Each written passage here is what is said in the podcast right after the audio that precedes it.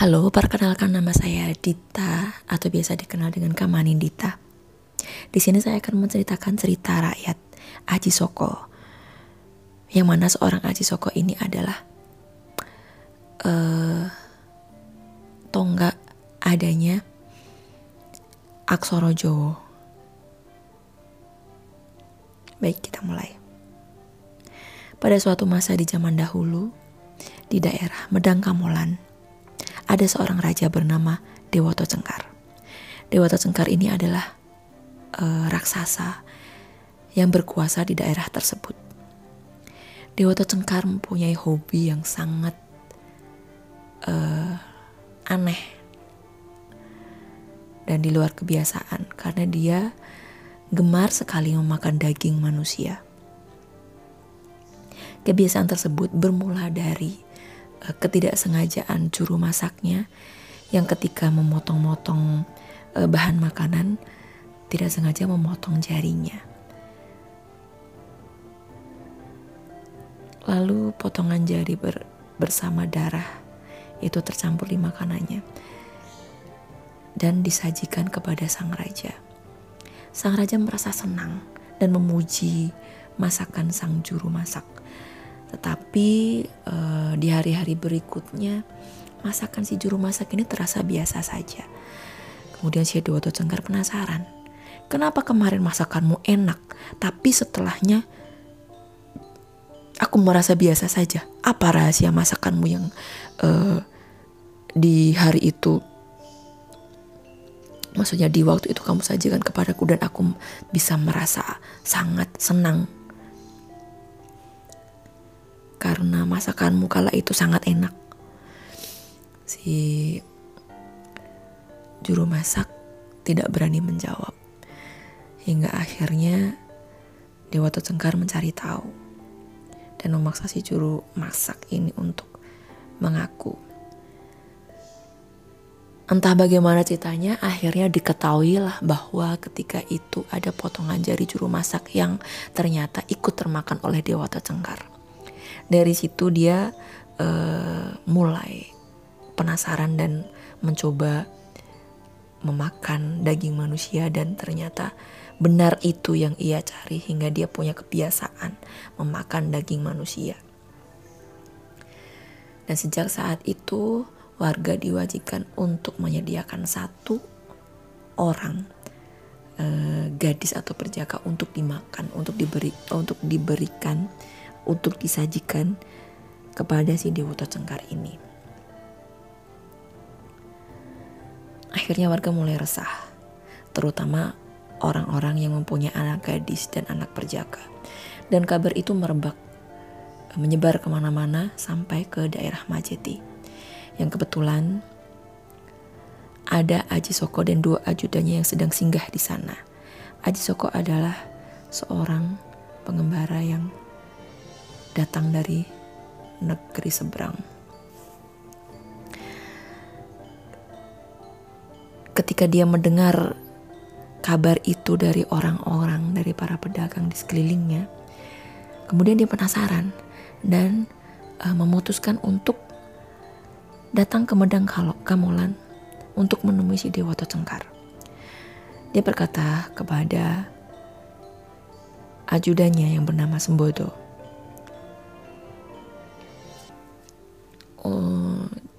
Jadi dia pamit pada Sembodo agar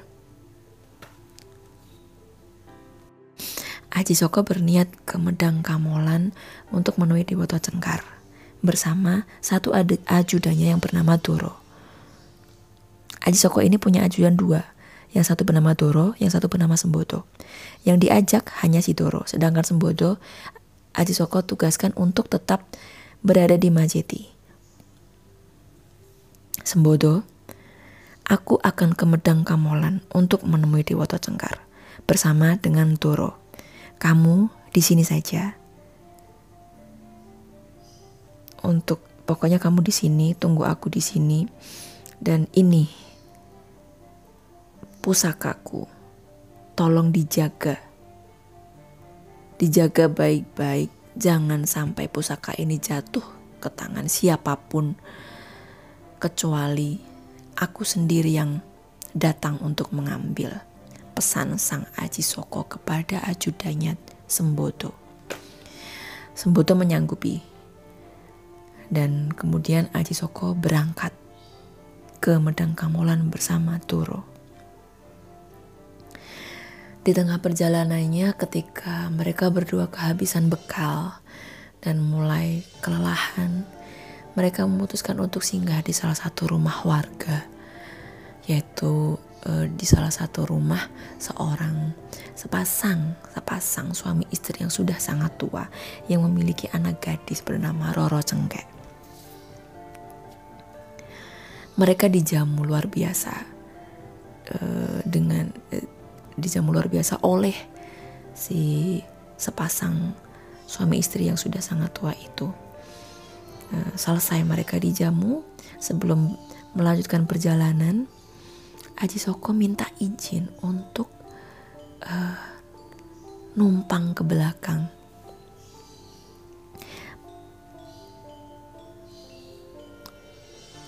Kebetulan pada saat itu anak gadisnya si Roro Cengkek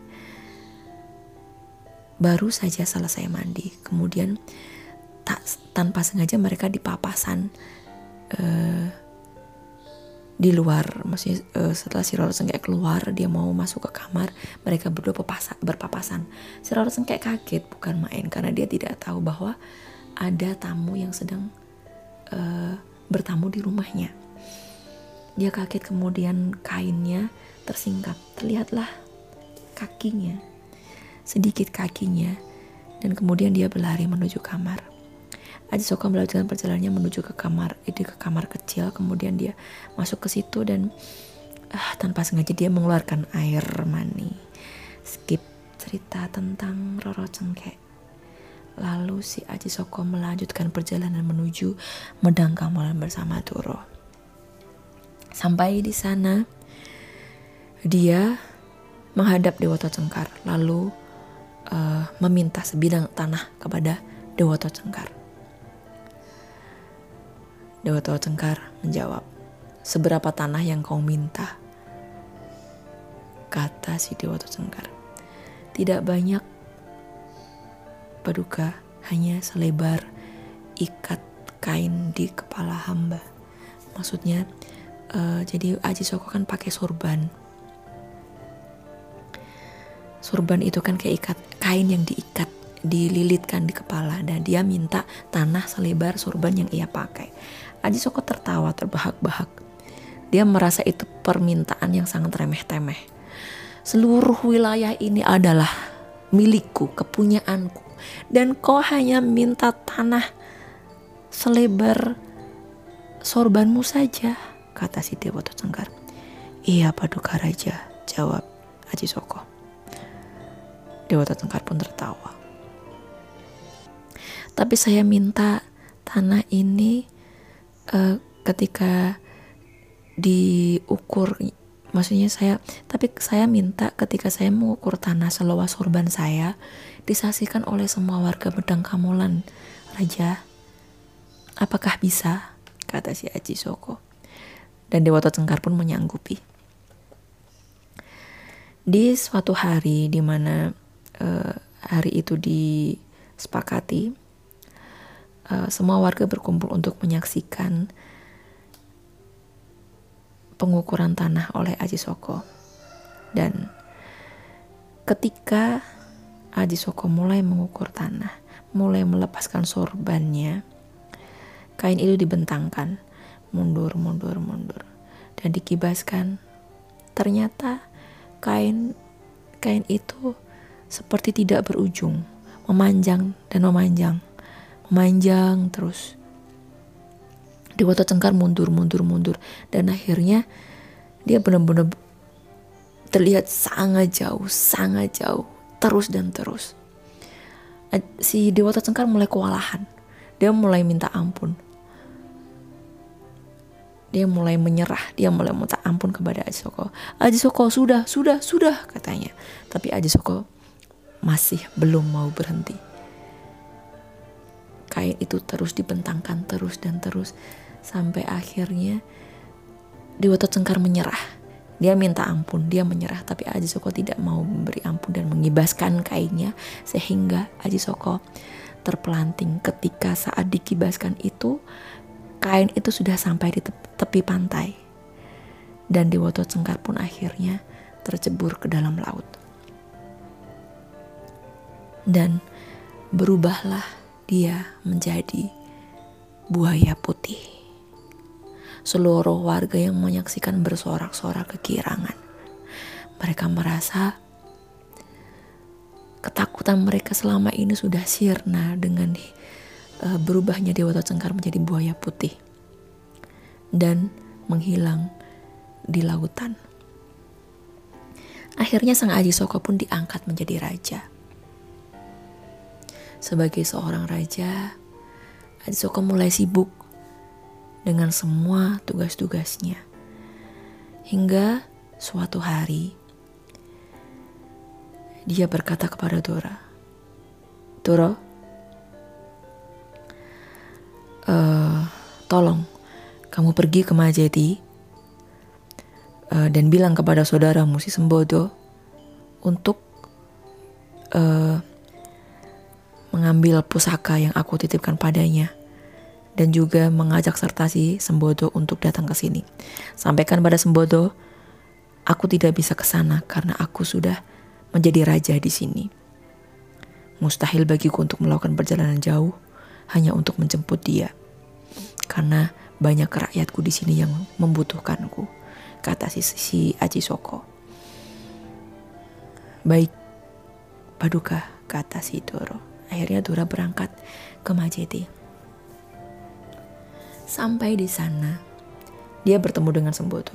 Seperti layaknya uh, dua saudara yang lama tak bertemu, mereka kangen-kangenan dulu. Mereka kangen-kangenan ngobrol, nostalgia, lalu si Doro menceritakan perjalanannya selama ini seperti apa perjalanannya bersama Aji Joko selama tidak uh, selama Sembodo uh, ter, ditinggal di Majeti. Kemudian dia menyampaikan, uh, ya ya itu makanya sekarang Aji Soko udah jadi raja. Dan sekarang aku itu diutus ke sini untuk mengambil pusakanya serta menjemputmu untuk uh, ikut kami ke Medang Kamolan. Kita hidup di sana bareng-bareng kata si Toro waduh nggak bisa saudaraku Toro aku nggak bisa ke sana karena bukan Aji Soko sendiri yang datang ke sini sebagai ajudan, aku harus memegang teguh apa yang sudah pimpinanku berikan kepadaku, yaitu aku akan menjaga pusaka ini baik-baik dan tidak meninggalkan tanah Majeti ini sampai Aji Soko sendiri yang datang ke sini. Dari situ Doro mulai merasa emosi. Dia mulai marah. Oh, jadi begitu? Kamu gak percaya sama aku? Jadi kamu nggak mau menjalankan perintah Aji Soko uh, pimpinan kita kata si Doro. Bukan begitu saudaraku, tapi aku juga punya punya tapi Aji Soko juga punya amanah yang diberikan kepadaku untuk menjaga pusaka ini. Dan amanah itu diberikan langsung ke aku. Jadi aku harus me, melaksanakan perintahnya dengan baik. Aku harus tetap di sini menjaga pusakanya sampai Aji Soko sendiri datang ke sini.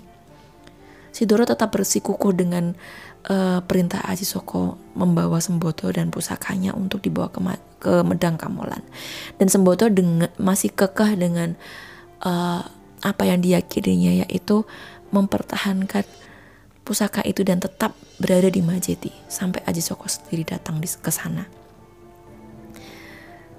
akhirnya mereka seperti kayak uh, kalau orang Jawa bilang ehel-ehelan. Sampai akhirnya pertarungan tak dapat dihindarkan. Pada di saat yang sama Aji Soko seperti mendapat uh, firasat. Jadi dia baru ingat astaga iya aku pernah berpesan kepada Sembodo untuk menjaga pusaka itu dan tidak meninggalkan tanah Majiti sampai aku datang sendiri ke sana Bagaimana bisa aku menyuruh Doro untuk mengambil pusaka itu dan menjemput menjemput Sembodo tanpa aku? Kata si Aji Soko. Akhirnya Aji Soko bergegas menyusul Doro ke Majeti untuk menemui si Sembodo. Tapi ketika Aji Soko sampai di, di Majeti, semua telah terlambat. Doro dan Sembodo yang bertarung karena mempertahankan perintah atau amat dari Aji Soko sama-sama sudah menjadi mayat. Mereka mati dalam pertempuran. Aji Soko sangat terpukul. Dia sangat sedih.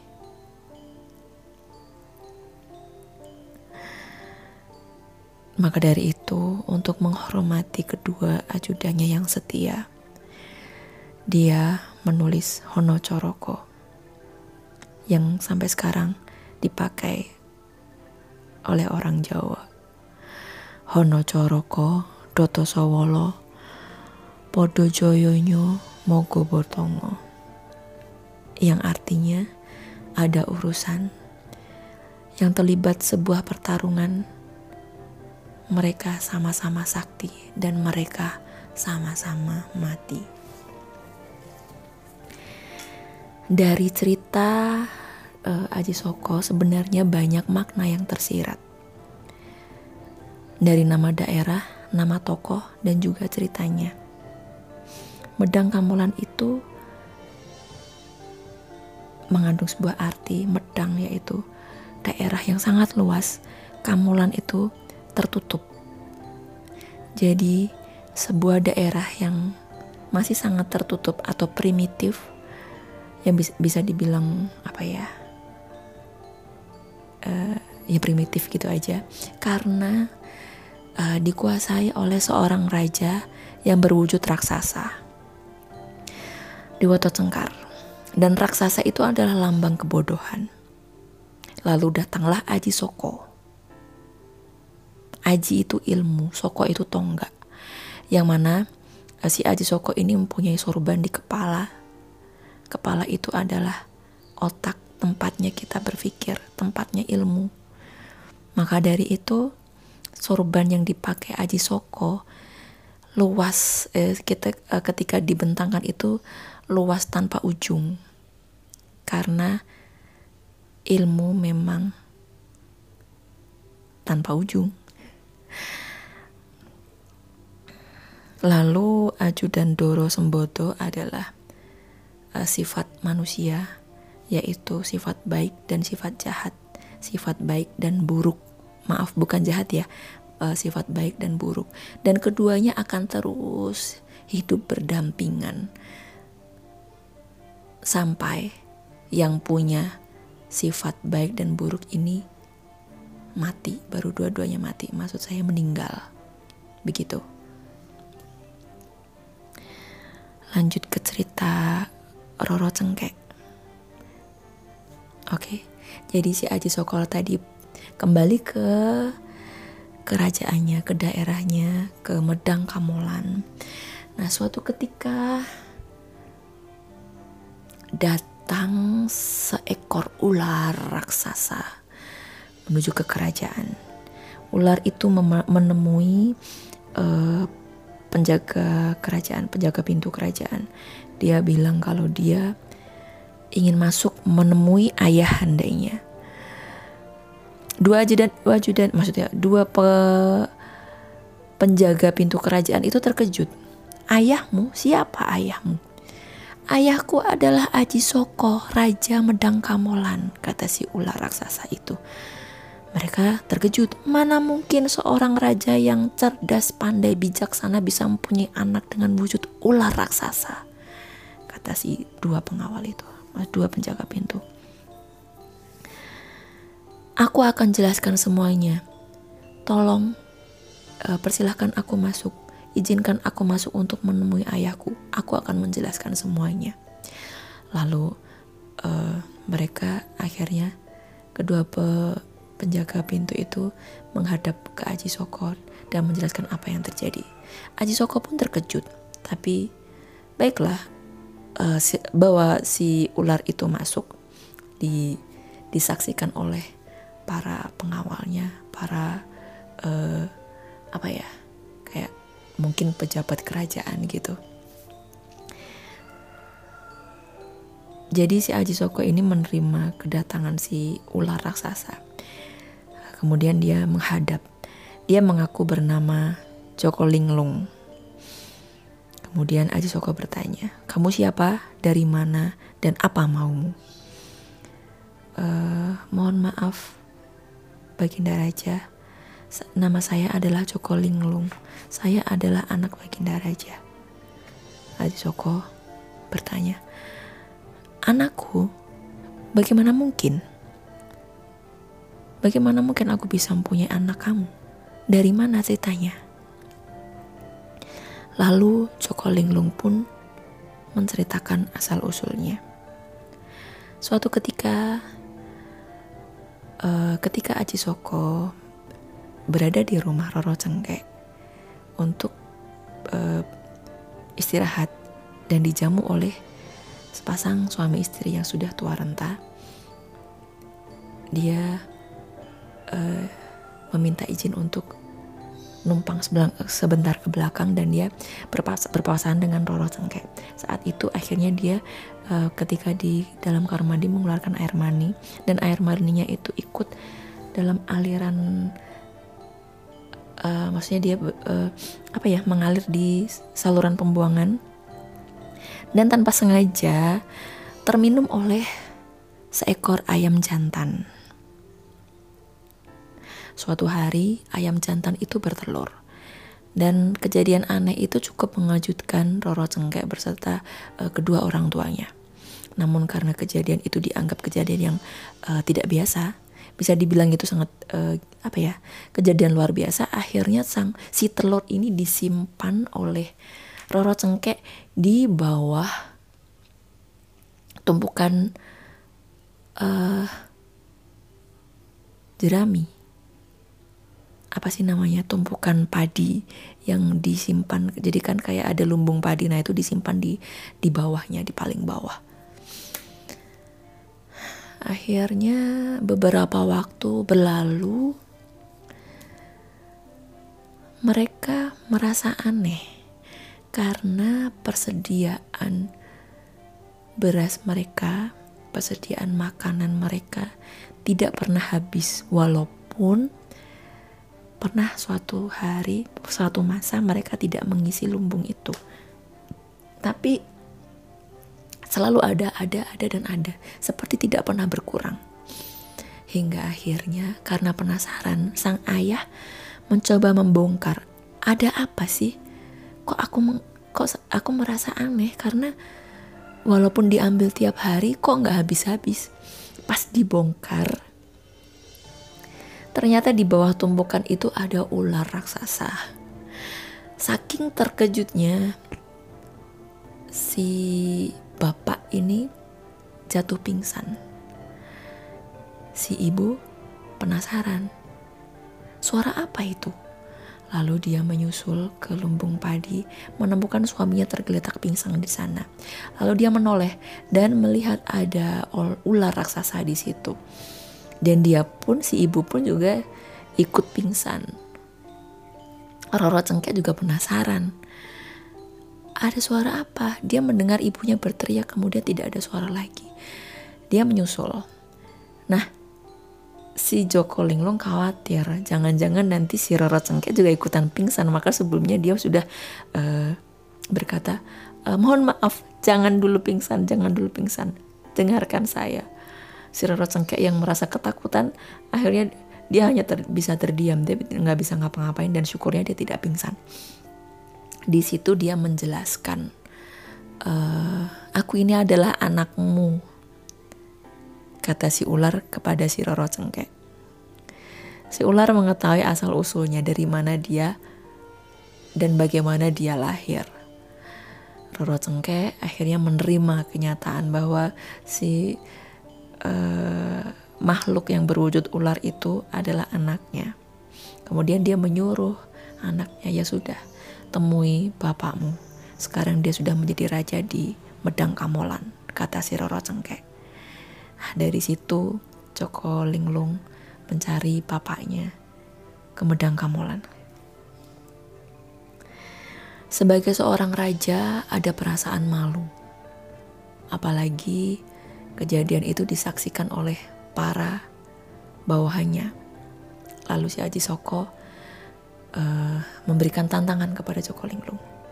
Baik, aku akan mengakuimu atau percaya bahwa kamu adalah anakku dengan satu syarat. Apa itu? Tanya si Joko Linglung kamu cari buaya putih yang mana adalah perwujudan dari Dewata Cengkar. Lalu bawa kepalanya ke sini. Si Joko Linglung menyanggupi. Lalu Aji Soko memberikan syarat lagi. Tunggu, ada lagi.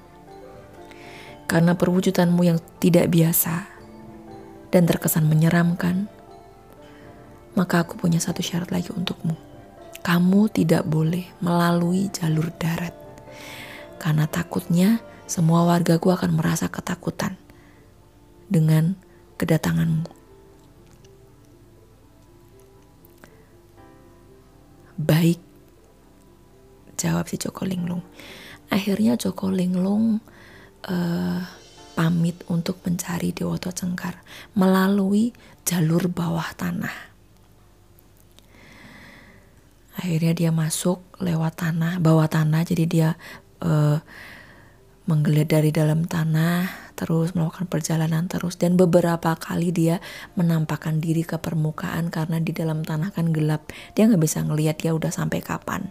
Eh, sudah sampai mana. Jadi dia perlu perlu uh, sesekali nongol ke darat untuk melihat oh sampai sini. Dan daerah-daerah uh, di mana dia menampakkan diri ini uh, dan sekarang menjadi uh, ada beberapa tempat yang dipercaya uh, sebagai tempat nongolnya si Aji eh, si Joko Linglung itu. Salah satunya di Bleduku daerah Gerobokan. Terus uh, ada juga yang menyebutkan pernah muncul di Rawa Pening. Lalu saya lupa lagi saya lupa tapi ada beberapa tempat. Hingga akhirnya si Joko Linglung ini sampai di pantai selatan. Tempat ketika si Dewoto Cengkar ini terjebur ke laut.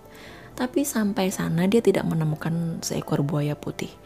Dia um, menelusuri lautan untuk menemukan si Dewoto Cengkar yang sudah berubah menjadi dewa, menjadi buaya putih. Dia terus terus uh, melakukan perjalanan terus terus dan terus hingga akhirnya dia menemukan buaya putih di daerah Surabaya dan akhirnya terjadilah pertarungan di situ di tengah laut. Dan orang melihatnya uh, itu adalah buaya dan ikan. Padahal ikan raksasa ikan apa ya? Padahal itu sebenarnya adalah wujud dari Joko Linglung dan si buaya putih. Pertarungan itu dimenangkan oleh Joko Linglung. Dan kepalanya eh, diputus oleh si Joko Linglung dan dimasukkan ke dalam mulutnya. Lalu Joko Linglung kembali ke tanah, kemudian eh, pulang ke Medang Kamolan untuk menemui ayahnya. Sampai di Medang Kamolan, dia menghadap ayahnya kemudian melaporkan apa yang sudah ia uh, kerjakan. Dia sudah bertemu dengan buaya putih, kemudian memenangkan pertarungan, kemudian membawa serta kepala buaya putih sesuai dengan permintaan sang ayah. Akhirnya mau tidak mau Aji Soko pun mengakui bahwa Joko Linglung adalah anaknya, walau masih ada rasa malu, ada sedikit malu dalam hatinya, hingga akhirnya dia memberikan satu uh, buah wilayah dari jadi ada kerajaan yang di situ isinya uh, binatang-binatang, ada kuda, ada segala macam semua di situ. Nah, Joko Linglung ditempatkan di situ. Joko Linglung sangat senang karena dia sudah mendapatkan pengakuan dari ayahnya sendiri dan di dan mempunyai tempat tinggal sendiri maksudnya dikasih daerah wilayah uh, daerah kekuasaan sendiri yang mana ditaruh di kerajaan yang isinya binatang-binatang tapi karena dia sudah membawa kepala si buaya putih tadi yang merupakan uh, perwujudan dari Dewata Cengkar akhirnya si Joko Linglung juga mempunyai uh, kebiasaan yang sama dengan si Dewata Cengkar tapi kala itu yang ada hanya binatang dan para uh, pengawal yang bertugas untuk memberikan makan kepada binatang-binatang dan membersihkan kandang-kandang binatang itu. Jadi uh, hari demi hari penghuni dari kerajaan yang isinya para binatang itu lama kelamaan berkurang berkurang berkurang dan benar-benar tinggal sedikit. Kejanggalan itu dilaporkan ke Jakot ke Aji Soko. Aji Soko pun marah karena memang ada pengawal yang ternyata memergoki si Joko Linglung sedang memakan binatang yang ada di situ. Lalu Joko marah dan menghukum si Joko Linglung. Joko Linglung, kamu sudah kelewatan, kamu terlalu, kata si Aji Soko. Aku akan, aku menghukummu untuk meninggalkan daerah ini. Baik ayah, kata Joko Linglung. Joko Linglung ini nerima apa yang menjadi keputusan ayahnya. Sekarang kamu saya hukum untuk tinggal di sebuah hutan yang sekarang daerahnya menjadi uh, bernama Kesongo. Hutan belantara dan kamu tidak boleh makan apa pun kecuali makanan itu datang sendiri ke dalam mulutmu, kata si Aji Soko. Joko Linglung menjawab, baik Ayah, kata si Joko Linglung. Pergilah si Joko Linglung, untuk eh, uh, menuju si ke hutan yang uh, dimaksud oleh si Aji Soko. Sampai di sana dia berdiam diri. Karena dia tidak boleh makan apa pun. Dia berpuasa sampai beberapa waktu lamanya. Lalu dia berpikir, bagaimana mungkin bisa ada makanan datang sendiri ke dalam mulutku. Lalu dia punya ide. Dia membuka mulutnya lebar-lebar. Setelah itu, dia tidak pernah bergerak sedikit pun sampai seluruh tubuhnya ditutupi oleh lumut dan tanaman-tanaman. Suatu hari, ada sepuluh anak pengembala sedang mengembala kambing.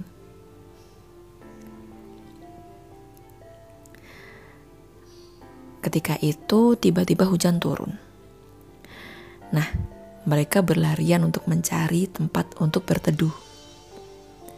Tapi salah satu dari anak itu dari 10 orang itu tidak diizinkan masuk. Udah, udah kamu jangan ikut, kamu jangan ikut, kamu bau, kamu bau kata mereka. Karena satu anak ini uh, dia menga dia punya penyakit kulit. Kalau orang Jawa sih gudiken. Kalau bahasa Indonesia-nya apa ya? Ya dia punya punya penyakit kulit gitulah. Dan itu bau sangat bau. Jadi kesembilan temannya ini sangat keberatan kalau sampai satu orang ini ikut berteduh bersama mereka. Si satu anak ini diusir. Ya sudah akhirnya dia uh, mencari tempat berteduh yang lain di bawah pohon yang biasa aja gitu. Karena nggak ada tempat berteduh lain. Sementara kesembilan anak tadi berteduh uh, di dalam gua. Mereka menemukan uh, satu buah gua di situ. Yang sembilan berteduh di situ, yang satu berteduh di bawah pohon. Satu anak yang sedang berteduh di bawah pohon itu sedang memperhatikan kesembilan temannya yang berada di mulut gua. Seperti anak yang dikucilkan pada umumnya dia memperhatikan kesembilan temannya sedang asik bercandaria. Tapi tapi tiba-tiba mulut gua itu tertutup dengan cepat. Kau.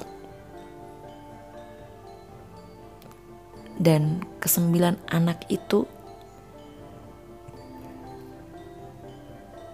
dimangsa oleh Joko Linglung yang sedang menyamar dan perwujudannya seperti mulut gua karena tertutup oleh semak belukar dan lumput lumut Padahal itu adalah mulut dari Joko Linglung. Satu anak yang menyaksikan ini terkejut karena kesembilan temannya tadi menjadi korban dimakan oleh si Joko Linglung. Berlarilah ia pulang untuk melaporkan kejadian tersebut kepada orang tuanya. Dari situ orang tuanya melaporkan ke Aji Soko, kemudian Aji Soko bertambah marah. Lalu Joko Linglung dipantai. Dipantai itu apa ya? kayak dipaku seluruh tubuhnya supaya tidak bisa pergi ke mana-mana lagi. Dan cerita berakhir di sini. Terima kasih sudah mendengarkan. Mohon maaf jika ada salah kata. Mohon maaf jika ada yang merasa lo kok gitu lo kok gitu. Namanya juga cerita rakyat. Cerita rakyat ini turun dari mulut ke mulut, didongengkan dari orang tua ke anaknya, kemudian ke anaknya, kemudian ke anaknya. Jadi uh, sebab dari situ ada perbedaan versi, ada mungkin uh, cerita bisa berubah-ubah sesuai dengan orang yang menceritakan. Dan sekali lagi terima kasih untuk yang sudah mendengarkan dan terima kasih untuk Mas Mas Gaduh telah mempercayakan saya untuk ikut berbagi cerita.